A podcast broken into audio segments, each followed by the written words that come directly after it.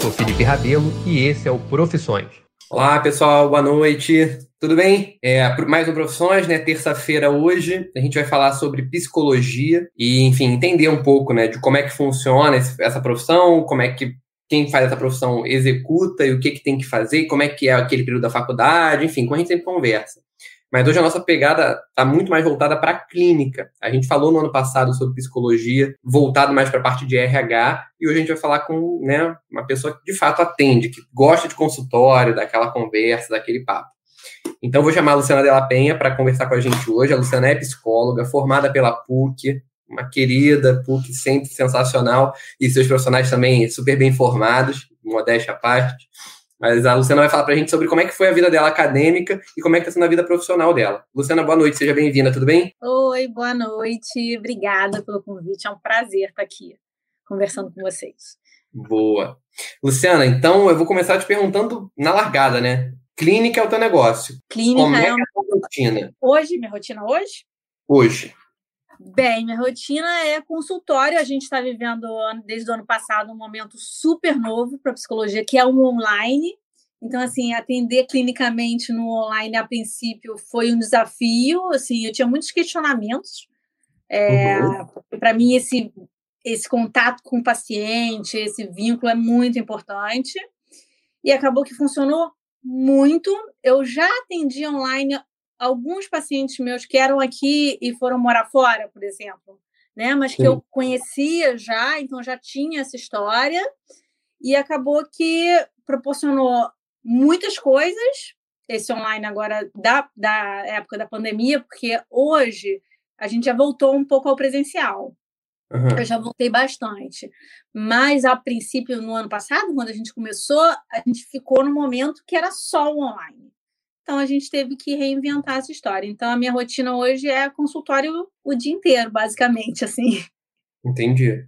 É, e você trouxe o ponto da pandemia, que é super interessante, porque é um negócio meio difícil de você fazer online, eu imagino, né? Quando você já conhece o paciente, não, mas para você pegar do zero, ter aquela troca de olhar, aquilo é importante, né? O paciente sentir confiança e você também entender o lado do profissional, como é que funciona isso. Muito, Felipe, assim, é, eu sou uma pessoa que trabalho muito com a troca, a minha, uhum. minha linha terapêutica ela, ela, é muito da troca.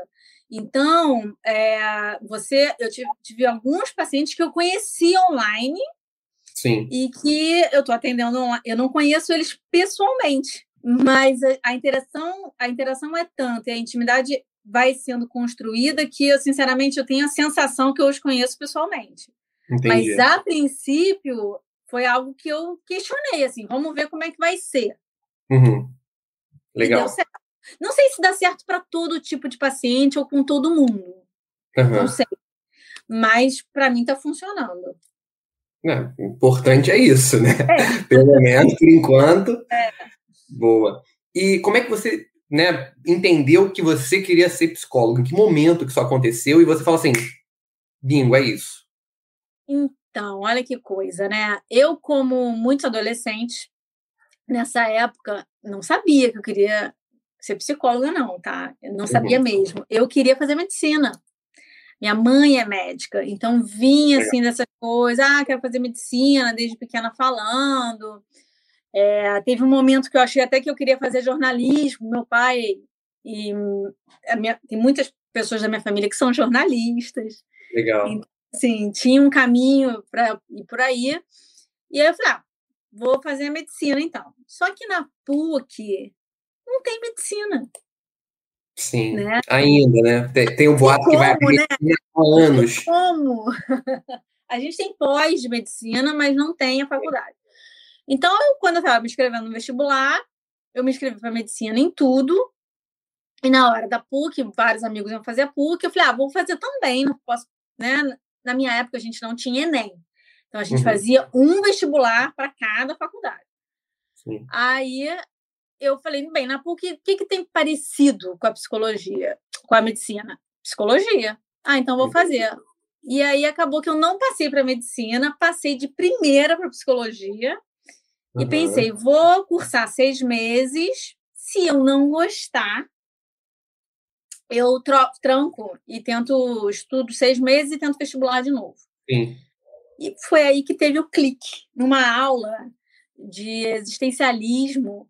É, a professora falou: caramba, Luciano, acho que se você. Como é que você fez bem isso aqui? Eu falei, é, né? E aí aquilo foi, eu falei, não, vou fazer mais seis. Uh, me formei em cinco anos. Entendi. Tu foi uma, uma paixão a cada semestre, né? Você foi ali, tu uma chance aqui. É, assim, no, e aí depois que eu me formei, eu não pensei, ah, vou voltar, vou ingressar até com diploma, que né, muita gente faz isso. Não, não, aí eu nunca pensei de novo. Entendi. Depois você viu que era uma. Isso é muito interessante. Ela está falando.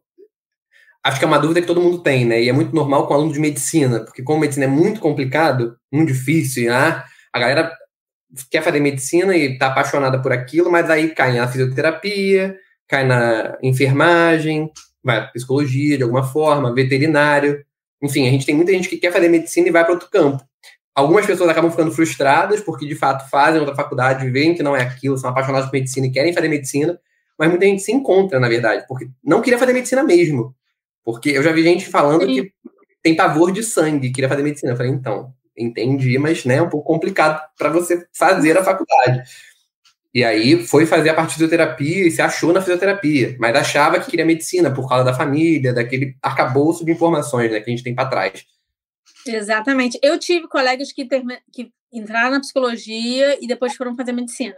E como é que era a faculdade em si, né? Você falou aí que a tua vontade também era fazer PUC, né? Enfim, e você isso pesou para você, então você queria muito viver a faculdade, especificamente a PUC.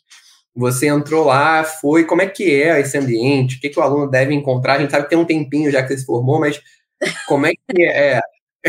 tempinho. Mas como é que essa galera tá ali, assim, né? Como é que funciona a rotina de uma faculdade de psicologia, por exemplo? Olha, é, eu acho sensacional. Assim, eu depois eu dei aula um pouco, assim, dei umas palestras, bastante palestras na UFRJ, que também é uma faculdade sensacional para psicologia, Sim. por exemplo, é muito legal. É, eu acho muito legal essa experiência de você, primeiro, você estar tá num lugar que tem um monte de gente vivendo, a, teoricamente, ali a mesma fase que você, é, a psicologia é um pouco ingrata no sentido assim, quem precisa trabalhar e fazer faculdade à noite, pelo menos, agora até tem, mas na minha época não tinha curso à noite de psicologia. Entendi. Era aquele curso bem de quem não trabalhava. Na PUC, na época, começava às oito e terminava duas, às vezes quatro da tarde. Você tinha que ter disponibilidade de ficar lá. Não tinha matéria à noite, né? Engenharia tinha à noite na época, ADM também, mas psicologia não. Então, você tinha que ter uma disponibilidade para estar tá na faculdade e era muito legal essa troca com as pessoas, assim, com os professores. É, é muito diferente da, da, da, do ensino médio mesmo, né, da escola. É uma, é uma fase muito diferente. Eu, eu gostei muito e acho que é, é uma experiência que a gente nunca esquece, porque depois, gente, começa. Depois é a vida adulta, né? O trabalho e as preocupações. Aí você entra num dia depois do outro, assim, que você não tem aquele tempo de curtir ali. Porque a faculdade também é curtir ali, né? É, é aproveitar. É, é, porque assim, não só ir pra festa e chopada, não é só isso.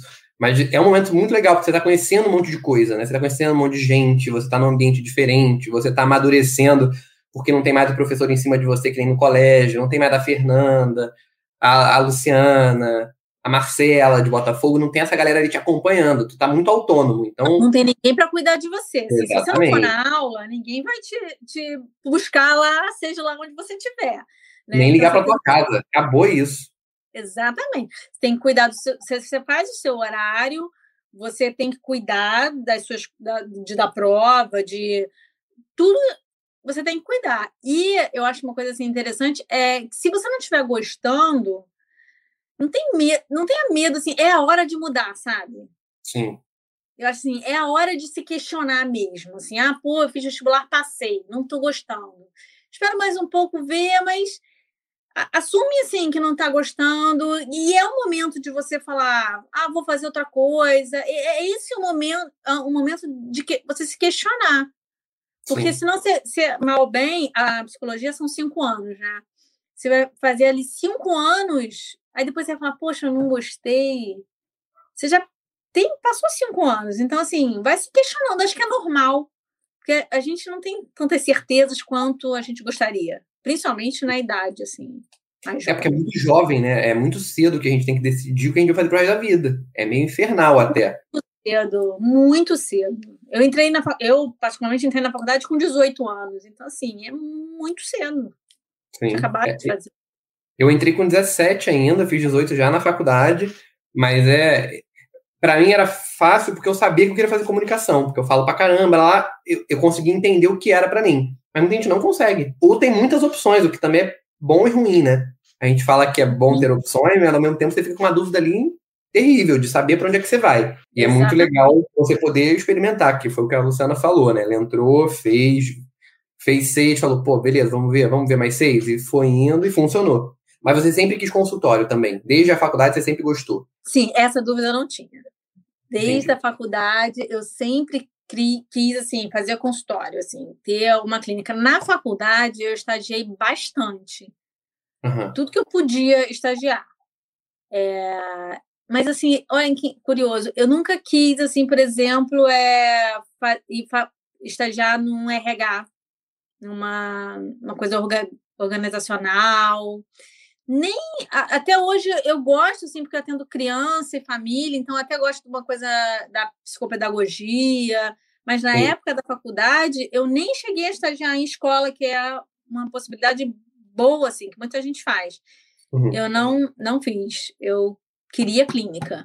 E, e foquei assim sempre pegar matérias na faculdade sobre especialização clínica Entendi. de consultório eu, eu tenho uma dúvida, e ela é pessoal, eu estou trazendo para o papo, porque em que momento.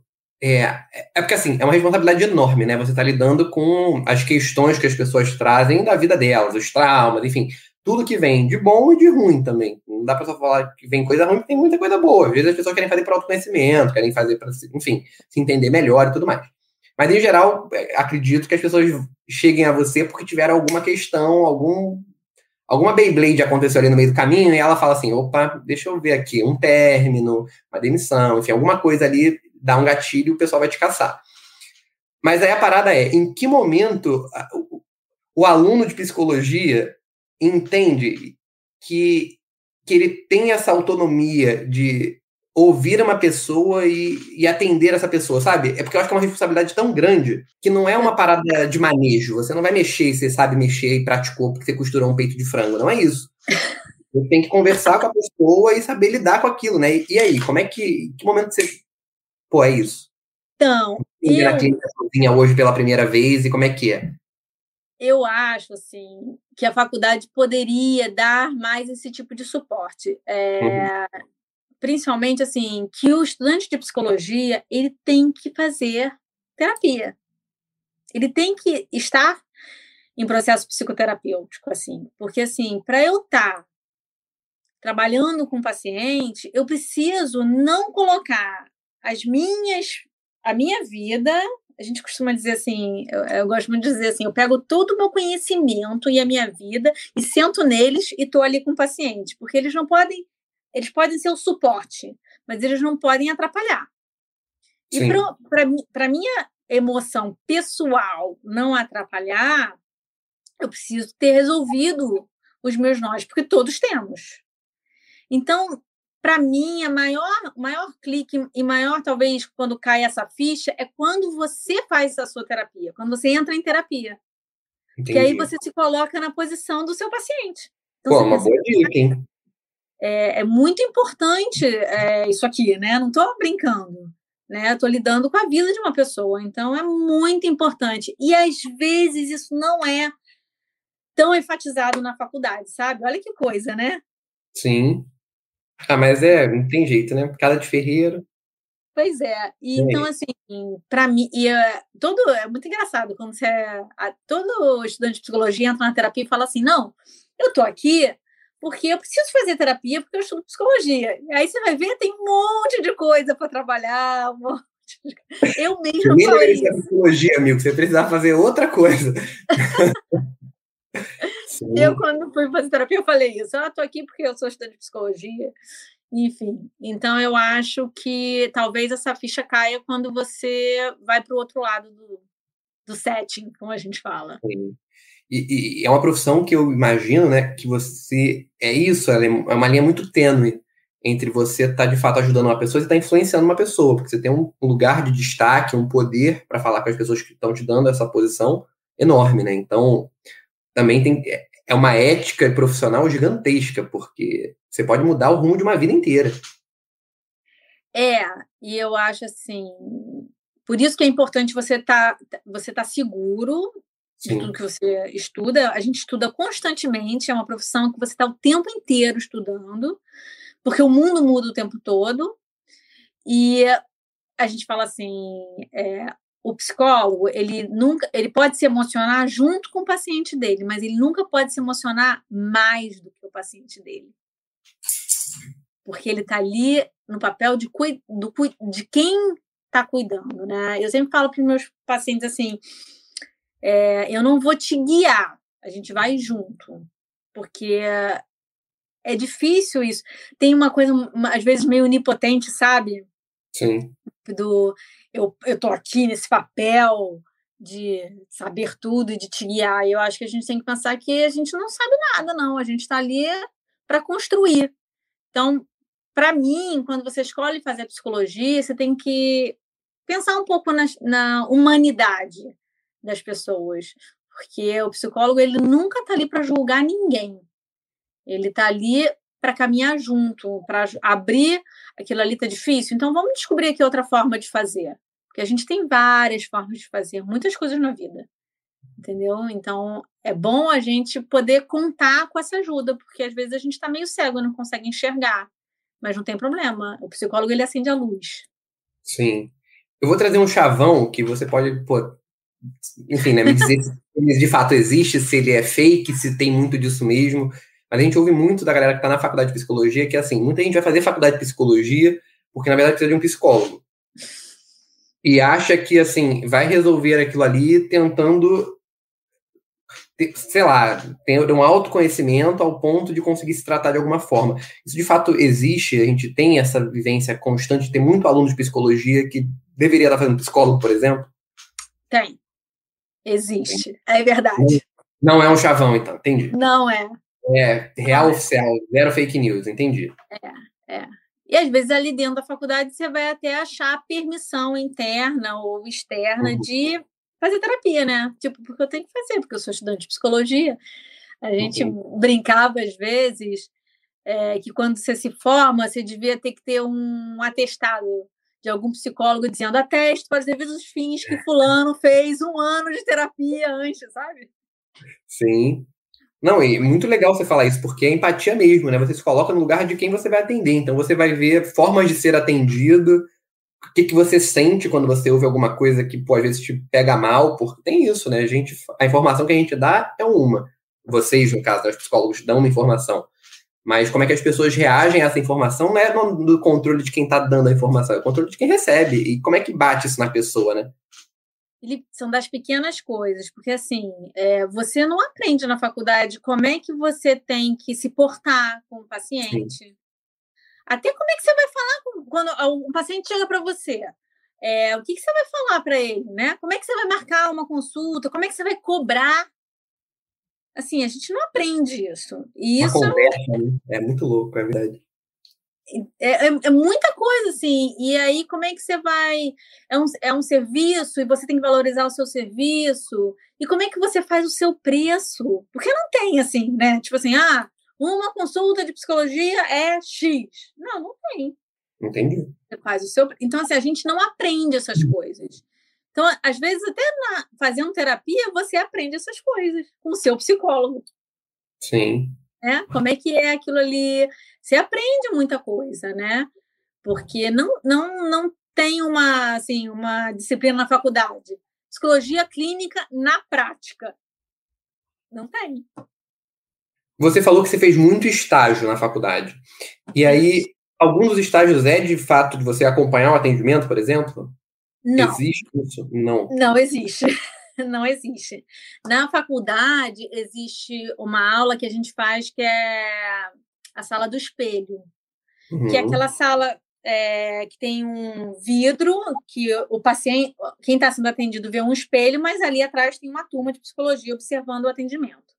Sim. Isso nos SPAs das faculdades tem. E a pessoa que está ali, ela sabe que ela está sendo vista, obviamente, por uma, né, por um grupo de estudantes.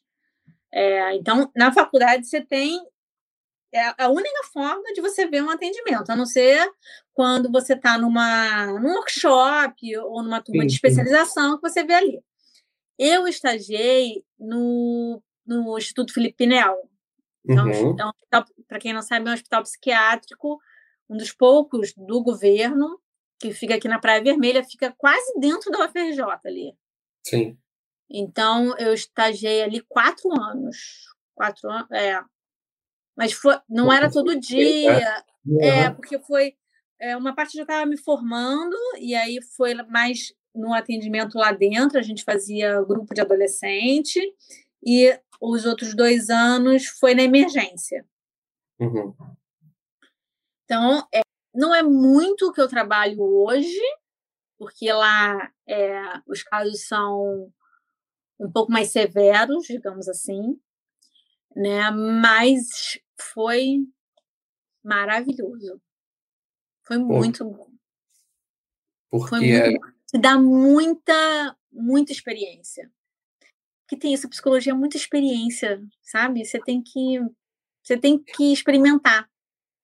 Porque eu imagino também que, assim, a gente está falando que o psicólogo tem um destaque, né, um poder de poder falar com a pessoa ali e tal, mas ele também deve ter uma resiliência meio intensa, né? Porque você deve ouvir umas coisas que você não está preparado para ouvir. Deve ser tipo um tiroteio em algum momento. De repente chega um negócio para você pá, e aí tu fica assim, né? Como é que você sai dessa situação? O que, que você responde para isso? Sempre fazer uma cara de que aquilo ali tá tudo certo.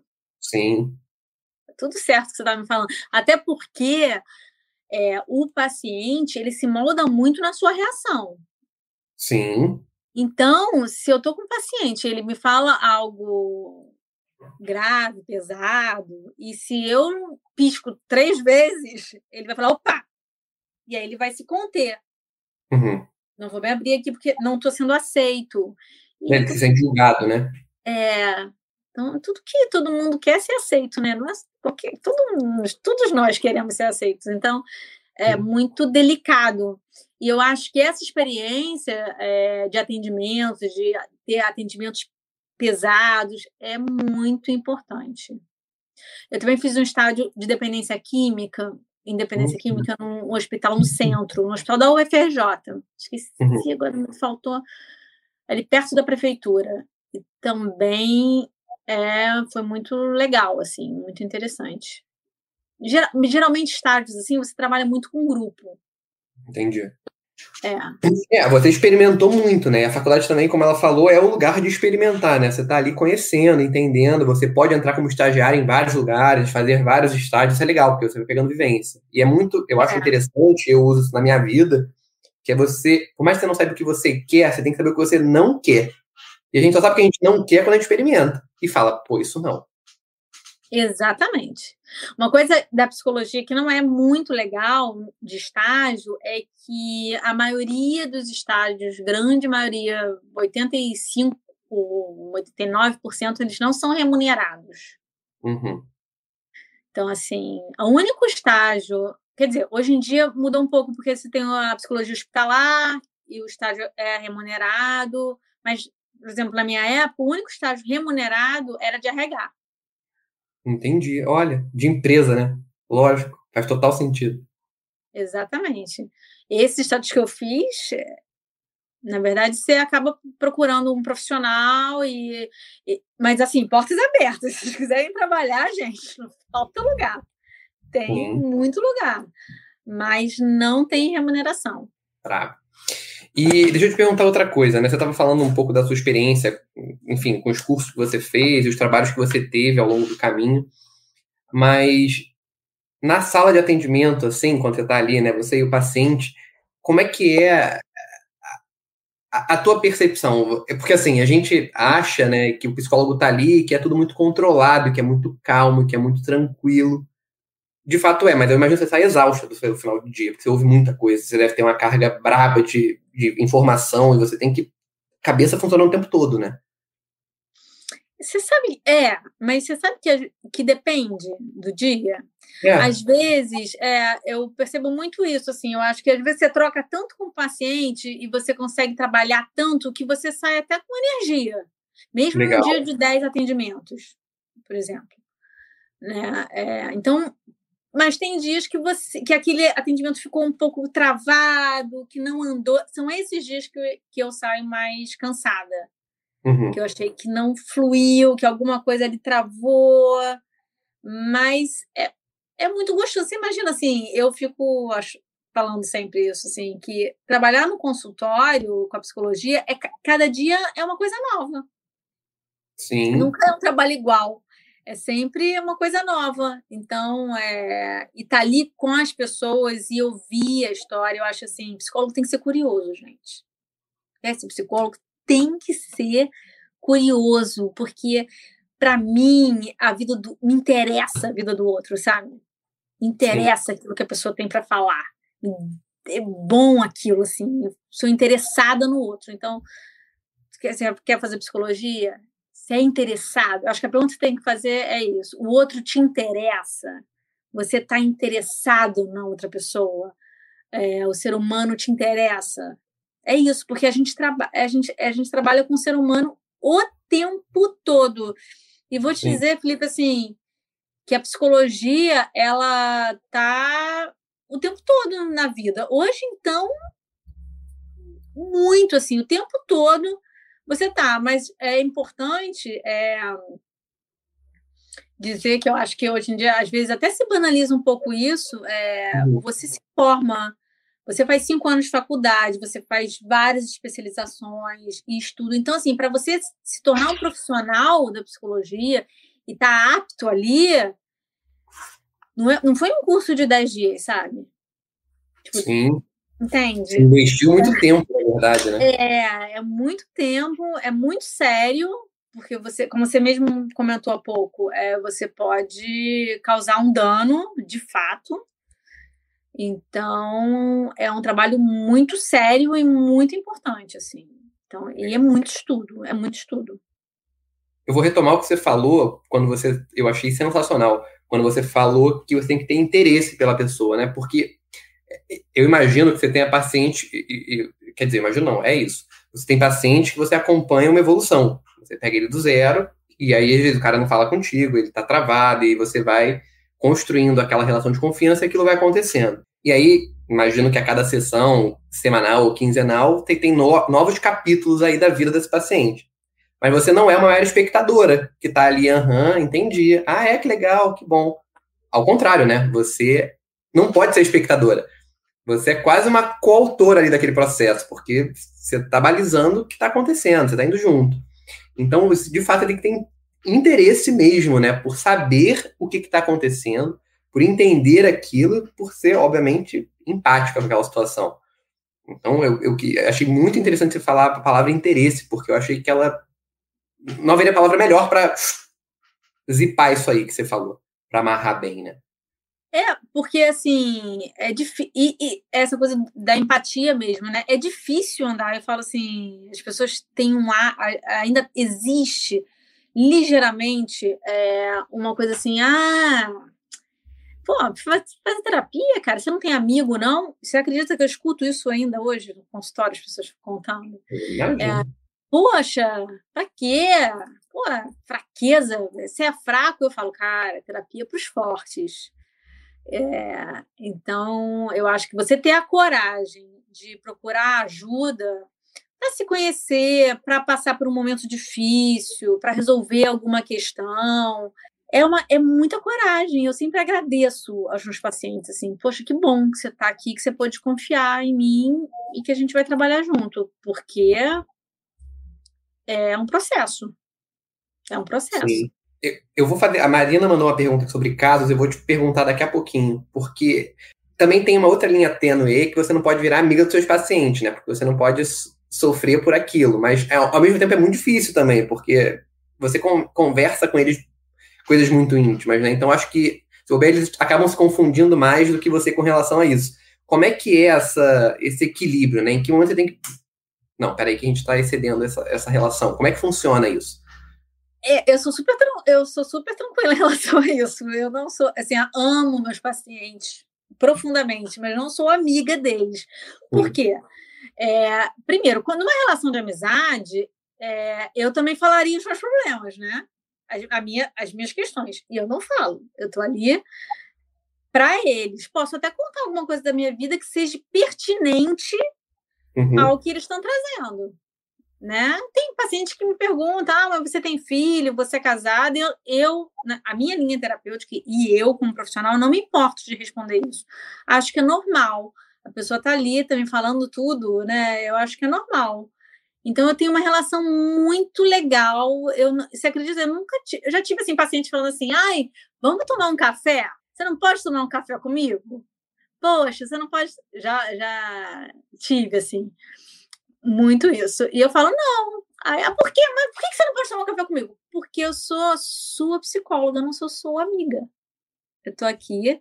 Isso, olha que momento. pesado, né? Você tá tão aberta que é isso. É tão, é tão óbvio, sabe? Para mim, assim. Então eu falo com o maior carinho do mundo, é, mas que não tem. Por quê? Porque numa relação de amizade não tem comprometimento. Sim, e tem a troca, né? Que você tem a troca, exatamente. Então, assim, eu tô ali comprometida. Aquele horário, eu geral, a maioria, eu, eu tenho hoje, por exemplo, acho que um ou dois pacientes que eu atendo de 15 em 15, a grande maioria são semanais. Uhum. É, e aí eu tenho aquela hora, é uma hora, assim, é, é uma hora é a sua hora. Quando o paciente às vezes falta ou chega atrasado e me pede desculpa, eu falo: não, você peça desculpa a você mesmo, porque você comeu meia hora de um momento que é seu, é Sim. um trabalho. Então, assim, é um cuidado com você. Então, eu acho que essa clareza é, é muito importante. É sempre. Por isso que você não pode se emocionar mais com o seu paciente, porque senão você não está montando seu trabalho ali. Né? Você está ali, você tá ali em função de. Então, numa relação de dois ser um, seres humanos, né? Porque tem isso, assim, é, a psicanálise mais antiga era uma coisa muito daqui para cá, né? Era uma análise, eu estou te analisando. Eu sou mais, eu sigo uma linha existencial, então é uma coisa, do, somos dois seres humanos ali, né? Sim. Mas não é uma amizade, por mais que seja uma relação de afeto, porque é. É, não tem como, né? Sobretudo sendo brasileiro como nós somos, é? culturalmente, é? a gente gosta de falar, de conversar, de, de, enfim, confia muito. Isso é interessantíssimo. Exatamente, mas não é uma amizade. E, bom, deixa eu começar a estruturar para Deixa eu responder a dúvida da Marina antes de eu seguir, porque senão eu também vou entrar no papo, porque eu tenho um monte de dúvida e eu vou perguntando tudo. Ai, que delícia. Vamos lá. A Marina falou o seguinte: é, na verdade, não é uma pergunta, é um comentário. Eu queria que você respondesse esse comentário dela.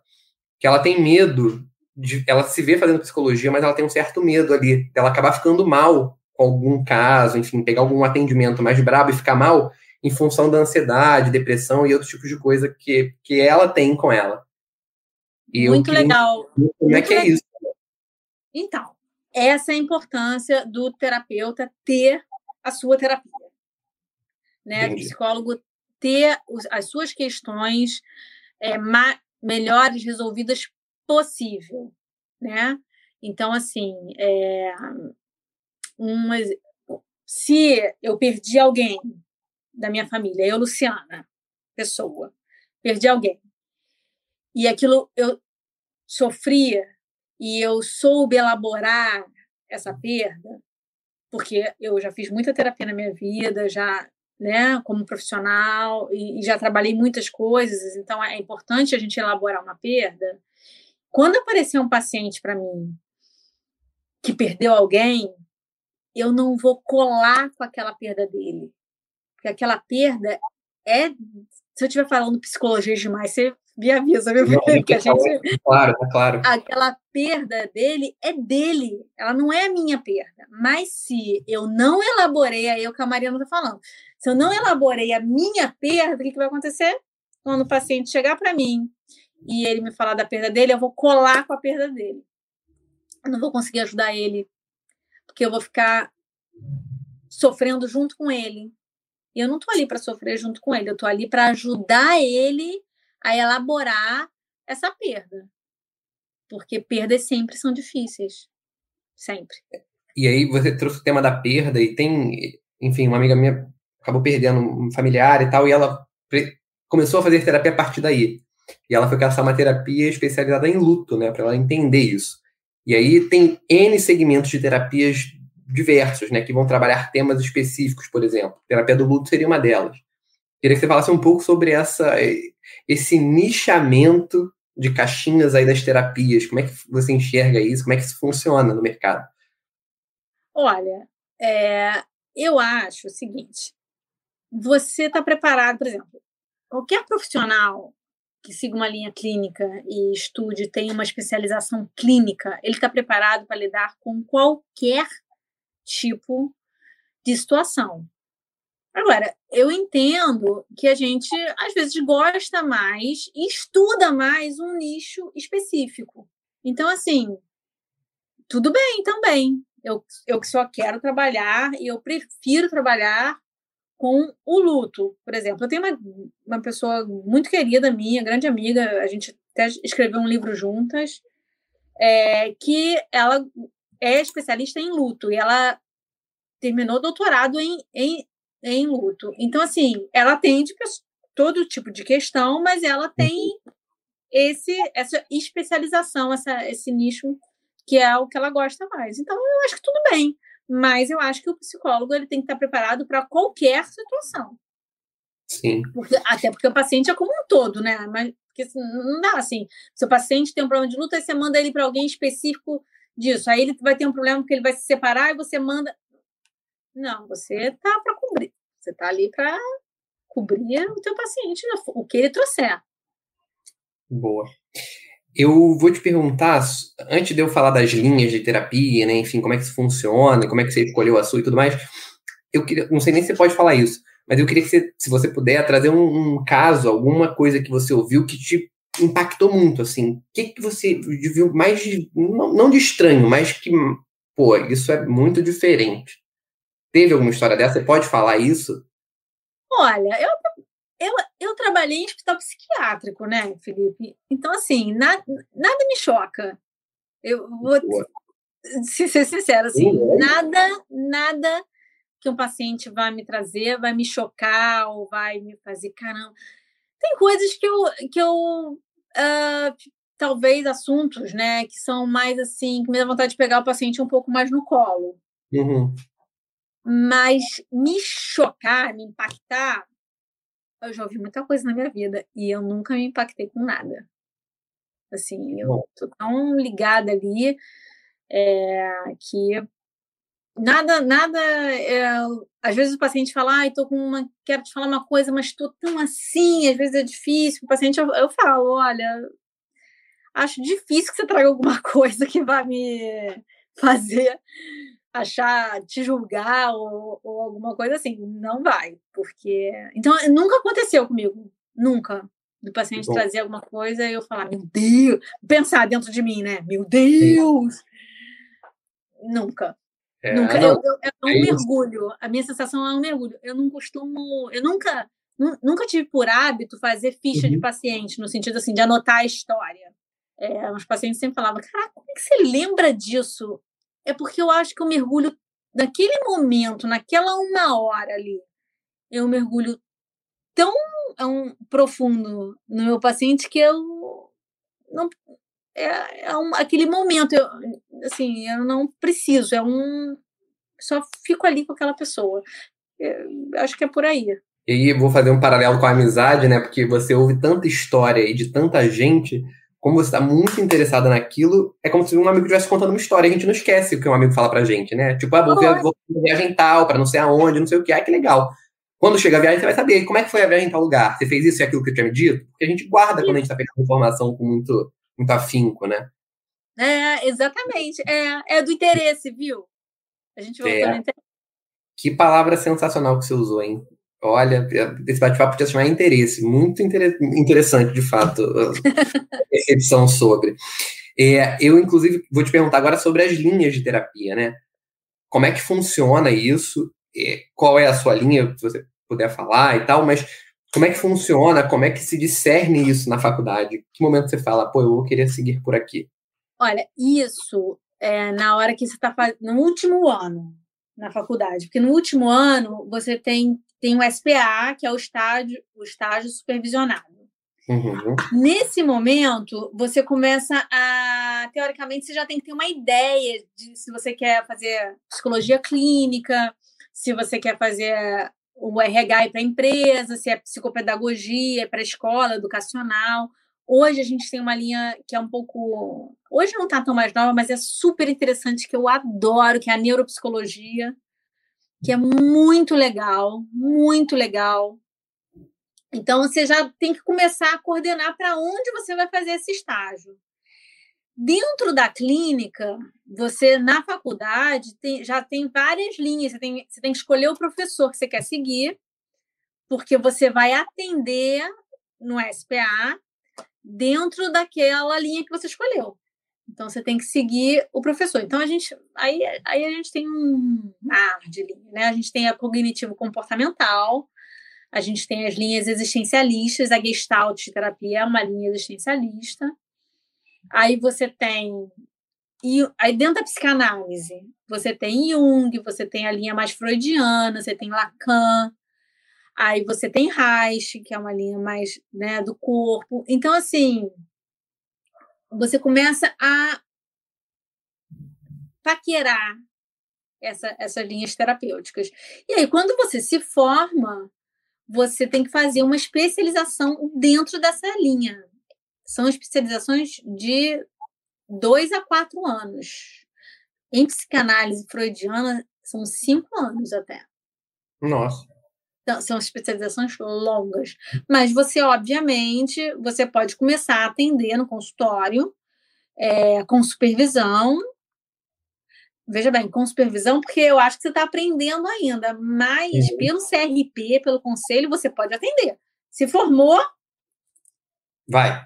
Vai. Você pode atender. Mas o ideal, eu acho, é que você tenha uma supervisão no princípio ali, porque, como a gente estava falando, são muitos detalhes, é difícil. É, são muitos detalhes. Até me veio aqui agora assim de você marcar paciente que você não conhece no consultório sozinha, né? São Sim. gente, são muitos detalhes, entendeu? Então, eu lembro, por exemplo, no, quando eu atendia individualmente no, no Pinel, você tinha, como eram pacientes psiquiátricos, você tinha que atender perto da porta. Você não podia atender é, do outro lado, porque se o paciente acontecesse alguma coisa, ele podia te prender ali dentro. Então, tem muitos detalhes que você tem, que eu acho que com a experiência, assim, você vai ganhando. Tu já passou um perrengue desse de ter que sair correndo, não, né? Não, eh, não já, já, já. Quando, eu era, é, quando eu era estagiária, eu, tava, eu atendia, trabalhava na emergência do Pinel. E aí chegou um paciente muito agressivo, grave, e aí ele subiu e é tudo cheio de grade no, no Pinela, assim, principalmente na emergência. Ele subiu, mas ele fugiu. E aí era eu e mais duas estagiárias, a gente fechou a porta e as portas lá não tem tranca. Então a gente uhum. botou a gente botou a mesa assim para segurar a porta. E aí, mas deu tudo certo. Resolveram, graças a Deus, é, né? É, e no consultório eu nunca tive, nunca sofri, nunca passei perrengue. Já tive pacientes que tiveram assim crise de raiva, assim, mas não, foi perrengue, foi só um, um momento. Você trouxe essa questão da crise, e é isso, né? Porque você consegue acionar uns pontos na pessoa que são. É, né, e a responsabilidade. Isso, é uma coisa é muito importante a, a coisa da responsabilidade de, um, de você ser um profissional é, capacitado para aquilo ali. Porque às vezes a pessoa te fala uma coisa e aí a sua ansiedade, né, até a pergunta que a gente teve agora, é, faz você querer desencadear ali uma coisa que a pessoa não está pronta. Então, assim, escuta aquela informação, respira. É a hora de intervir, não é? Vamos esperar para a próxima sessão? Às vezes aquela sessão é só para a pessoa vomitar aquela informação. Então, Quase um xadrez, né? É. Tu tem que saber o momento de movimentar as peças certas para. É um jogo. É um jogo. Você tem que saber o momento. Porque às vezes você faz uma intervenção e aí você entra, como eu até falei isso, hoje eu falei isso para uma paciente, você acaba dando uma banda no paciente. Em vez de ajudar ele a levantar, você ajuda ele a cair. Sim. E às vezes deve ser necessário também, né? Às vezes você também tem que, eu acho, acredito, que de vez em quando você tem que bater para que o negócio aconteça e aquela reação saia por ali, ou não. É, não. Eu, eu gosto, assim, de responsabilizar o cliente quando ele não quer caminhar, sabe? Uhum. Aí eu falo uma frasinha que os pacientes geralmente não gostam de repetir, que é eu me responsabilizo por não querer caminhar no meu processo terapêutico. Já é uma intervenção, né? Quando a pessoa tem que dizer isso, ela tem que se autoconvencer e poder ter capacidade de repetir isso. É, porque eu não posso salvar eles. Não é o meu papel Sim. ali. Então, eu não, não posso salvar. Porque uma paciente minha me falou assim: Poxa, achei que você ia arrancar isso de mim. Aí eu falei: Não vou arrancar nada. Você que tem que me dar, tem que trazer para mim. Não posso te salvar. Sim. A Paula está perguntando aqui quando é que você sabe a hora de intervir. Então, Paula, experiência e estudo, você sabe. É, é, de, é, assim, é que é o trabalho, o trabalho é esse, assim. É você ter essa, essa consciência com você naquele momento e entender que aquele é o melhor momento para o paciente. Porque o paciente, é, ele, é normal que as pessoas falam, ah, mas me fala meu diagnóstico. Ih, já ouvi muito isso. Me fala meu diagnóstico, mas o que, que você acha? E se você falar de uma vez só, o paciente provavelmente vai se levantar e nunca mais vai voltar. Porque ele não está preparado para ouvir aquilo. Você que Sim. sabe. Eu, brinco de, eu fico brincando que, às vezes, em entrevista, né? Porque eu, eu acho que primeiro tem uma entrevista e depois tem a primeira sessão. Uhum. É como se fosse meio Matrix, sabe? Você começa a desenhar todo o processo terapêutico do cliente, mas ele nunca pode saber tudo aquilo que você está desenhando, porque senão ele vai se assustar, porque é você que está desenhando. Então você tem que saber a hora. E a hora você, você vai ganhar. Cada paciente tem uma hora diferente de intervenção. Cada, cada paciente é único, não tem fórmula mágica assim que você possa jogar para todo mundo. Sim. Acontece de você se enganar também, porque às vezes você pode falar uma, uma questão e o paciente discorda daquilo, e aí você para e repensa, acontece, é normal, quando você vê que ele está rebatendo, é, em geral, ele não conseguiu aceitar aquela informação, mas tu também não pode pressupor que você tem a verdade toda, né? Como é que é esse falar, Super normal. Entendi. Super normal. Eu sempre falo, eu não sou dona da verdade.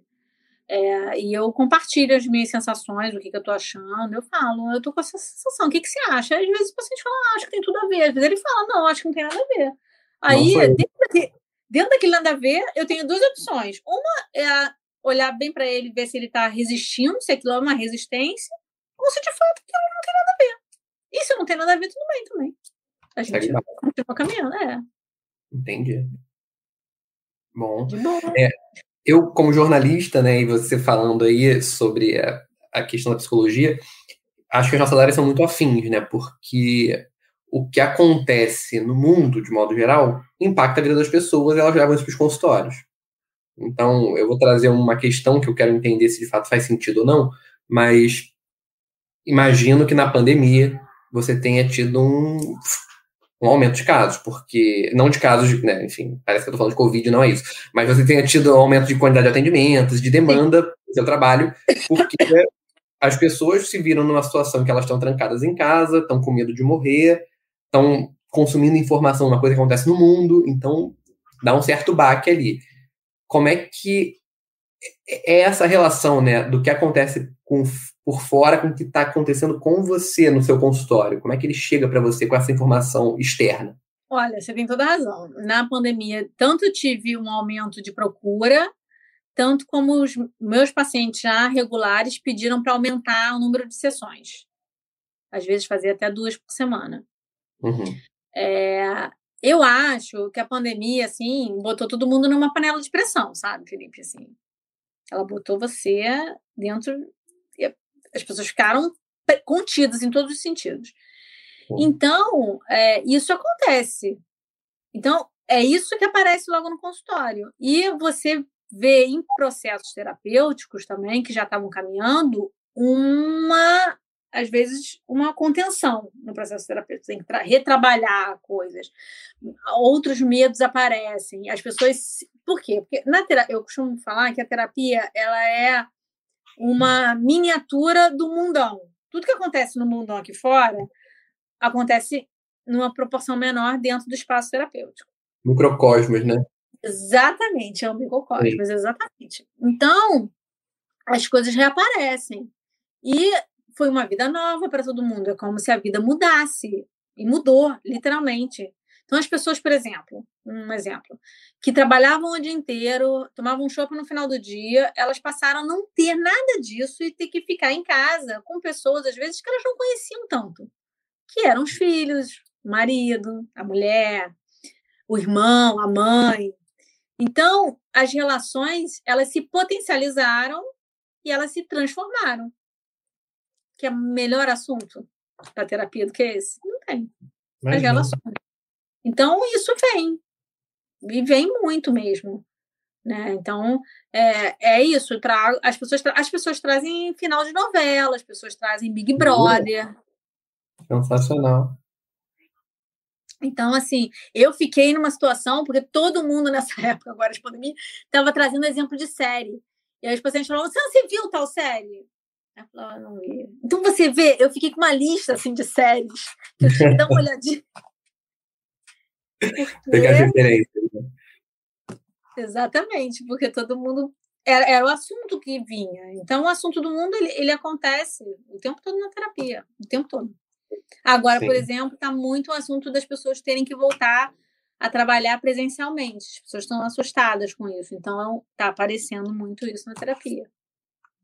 É, e tudo, tudo desencadeia alguma coisa, né? Então, é, eu vivi essa experiência com a minha família, porque a minha mãe ficou um tempo em casa e ela voltou a trabalhar em algum momento, já voltou. Mas quando ela voltou, ela ficou muito mal.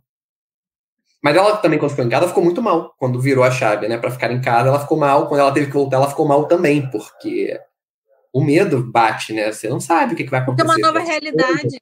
É. Exato. Exatamente. Na situação de pressão que a gente está vivendo, que você pô, resumiu muito bem, é uma panela de pressão, não tem jeito. Então. em muitos momentos, às vezes, Felipe, nesse, nesses casos, assim, que as pessoas estavam muito sofridas com a pandemia, e com o Covid, com medo, com a, e com a, a política, e com a imprensa, sabe assim? Uhum. Você só tinha, é, você tinha que escutar e dar um colo ali, porque às vezes a ferida está tão aberta que se você mexer, ela só vai machucar mais. Entendi. Então, assim. É, é muito discernimento mesmo, né? Assim, você fica o tempo inteiro também jogando xadrez com você, né? Porque qual é o passo que eu vou seguir agora? Porque quão aberto está esse movimento, qual, se eu intervenho ou não, se eu falo ou não, se eu. Porque também deve ser um, assim, uma trilha de pegadinha para você, né? Porque você também. O paciente se pauta na sua reação, mas você também se pauta na reação dele. Sim, por então, exemplo, é, paciente que não queria, não, não quer tomar vacina, né? Uhum. Eu tenho que respeitar que ele não quer tomar vacina e essa é a escolha dele.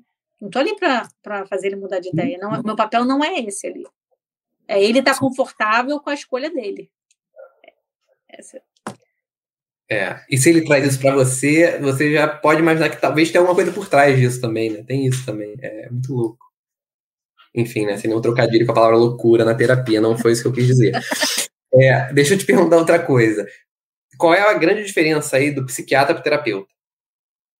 O psiquiatra medica e o terapeuta, o psicólogo, não passa a medicação. Uhum. É, essa é a grande diferença. Agora, por exemplo, o psiquiatra ele pode é, fazer qualquer especialização clínica da psicologia, geralmente elas são abertas a psicólogos e a psiquiatras. Então, você, o psiquiatra ele pode ser clínico, mas Sim. o psicólogo não pode medicar. E ele quando, tem que indicar. Quando que você sabe que um paciente, às vezes, tem que ir para o outro lado, né? Para o outro lado que eu digo que a psicologia não vai resolver a vida dele, tem que ir para a psiquiatria ou vice-versa? Então, não é assim. A psicologia sempre vai resolver a vida dele. Mas, às vezes, a gente vai ter que dar a mão para o psiquiatra e tá tudo certo. Entendi. Então, a, a gente geralmente, se você avalia que o paciente está precisando É, fala assim, ó, para você estar tá na terapia, você tem que estar tá aqui, por exemplo. E às vezes o paciente está aqui. E a medicação vai fazer ele chegar aqui. Entendi. E aí depois a gente vai trabalhar e fortificar que isso aqui não desça, a gente vai fazer um cimentão aqui. E aí, às vezes, depois ele pode até parar com essa medicação, porque ele vai estar aqui. A terapia é, é que vai ajudar a pessoa a poder ficar sem a medicação. Ou vai ajudar a pessoa a caminhar com a medicação a vida inteira, porque tem pessoas que precisam tomar a medicação a vida inteira e está tudo bem. Eu, eu acho muito importante, assim, é, a medicação ela não é um inimigo, ela é um parceiro, mas a gente tem que avaliar muito é, de não tomar desnecessariamente. Sim. E se você só se medica e não faz terapia, você provavelmente vai ter que se medicar a vida inteira, porque você nunca vai aprender a lidar com aquilo. Uhum. Entendeu? É a mesma coisa. Eu tenho um exemplo bem bobo. É, eu pego um sapato e eu ponho no meu pé. Aí eu tomo um analgésico para não doer meu pé. O sapato apertado, doendo meu pé, e eu tomo analgésico. O dia que eu parar o analgésico, o que vai acontecer? Meu pé vai continuar doendo. Sim. É isso. A terapia ela vai ensinar você a tirar esse tênis. Entendi. Mas, então, você falou exatamente a minha dúvida, e pode ser que eu não tenha me expressado bem. Mas você pode orientar para o paciente, pô, você podia caçar um psiquiatra, porque talvez seja necessário a gente chegar. Tem essa liberdade. Total. E você tem que ter a lucidez de falar isso. Geralmente a gente trabalha com psiquiatras, assim, sabe? Assim, ah, geralmente indico ex-psiquiatra, porque é muito importante também que o psicólogo e o psiquiatra se falem. Hum, entendi. Eu, pelo menos, acho. Isso, não precisa se falar sempre, não, entendi. mas assim, depois da primeira sessão, se você achar necessário dar uma ligadinha, troca uma ideia com o psiquiatra, é uma parceria mesmo. Entendi. E acho que é muito importante que o psicólogo diga, olha, o que, que você acha nesse momento, assim? Vai lá, conversa, vamos, vamos dar uma avaliada. É, bom. A Marina trouxe outra dúvida aqui que eu achei interessante. Ela está falando sobre as pessoas, às vezes, só querem desabafar, né? Elas não querem ouvir, elas só querem botar aquilo para fora. E aí ela pergunta como é quando você sabe que é o momento de falar e quando é o momento só de ouvir. Você percebe que é um desabafo, por exemplo? A gente percebe. E percebe também que às vezes a pessoa não quer ouvir mesmo. Então, é, às vezes, a pessoa fica assim, sessões só vomitando. Aí você dá um pequeno feedback, aí você dá um outro negocinho, faz uma brincadeira, que aí você tem que amaciar aquilo ali, sabe? Que tá uhum. difícil. E, e também tem que respeitar que não é o momento de intervir, que é o momento de escutar. Então você escuta, vai caminhando. É, assim, o, o psicólogo nunca pode deixar a, a consciência dele, sabe? Tá, ele tem que estar tá consciente do processo do cliente, né? Sempre consciente daquele processo terapêutico ali. E às vezes é hora de desabafar e você deixa. Às vezes você. Aí você vai jogando xadrez. Sim. E já que a gente falou no jogo de xadrez, eu queria saber como é que esse jogo termina, ou ele não termina. Em que momento você dá alta para o paciente? Quando é que você fala assim, pô, vai, amigo, deu tudo certo, hein? Segue o baile aí. Como é que funciona isso? Eu costumo dizer que na, eu acho que na psicologia nunca tem uma alta. As pessoas falam, ai, tô de alta, nunca mais eu vou. Assim, eu acho que não. Engano. É, porque a vida, ela te traz. A vida, ela é móvel, ela é dinâmica. O tempo todo tá mudando, tá mudando, tá mudando. Então, ela vai te trazer coisas o tempo todo. É, e desafios.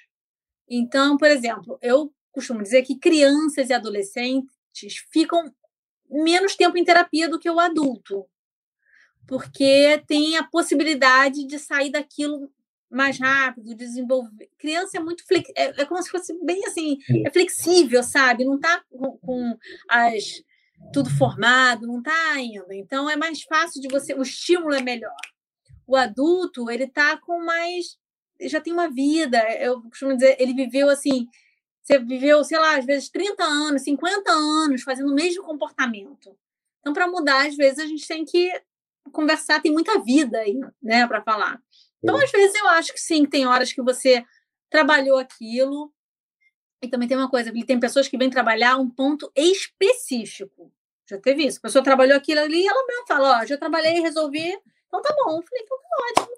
é isso. Quando você precisar, estamos aqui sempre de braços abertos, está tudo certo. Entendi. E tem, tem pessoas que querem trabalhar mais coisas. E aí, quando eu vejo também que o paciente está bem, que ele está sabendo desenvolver bem, vamos dar umas férias, assim, né? Eu, eu sempre falo, eu sempre estou aqui.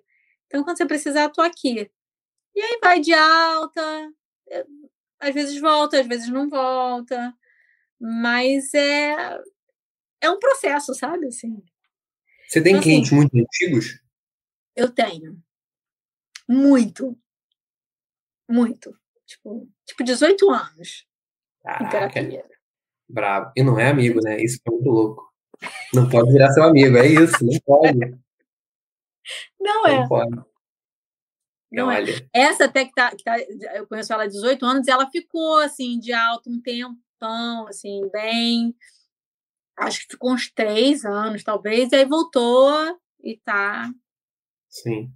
Você falou que tem gente que chega com pontos específicos para trabalhar, né? Mas também deve ter gente que não chega sem nem saber o que está querendo entender ali. Só vai.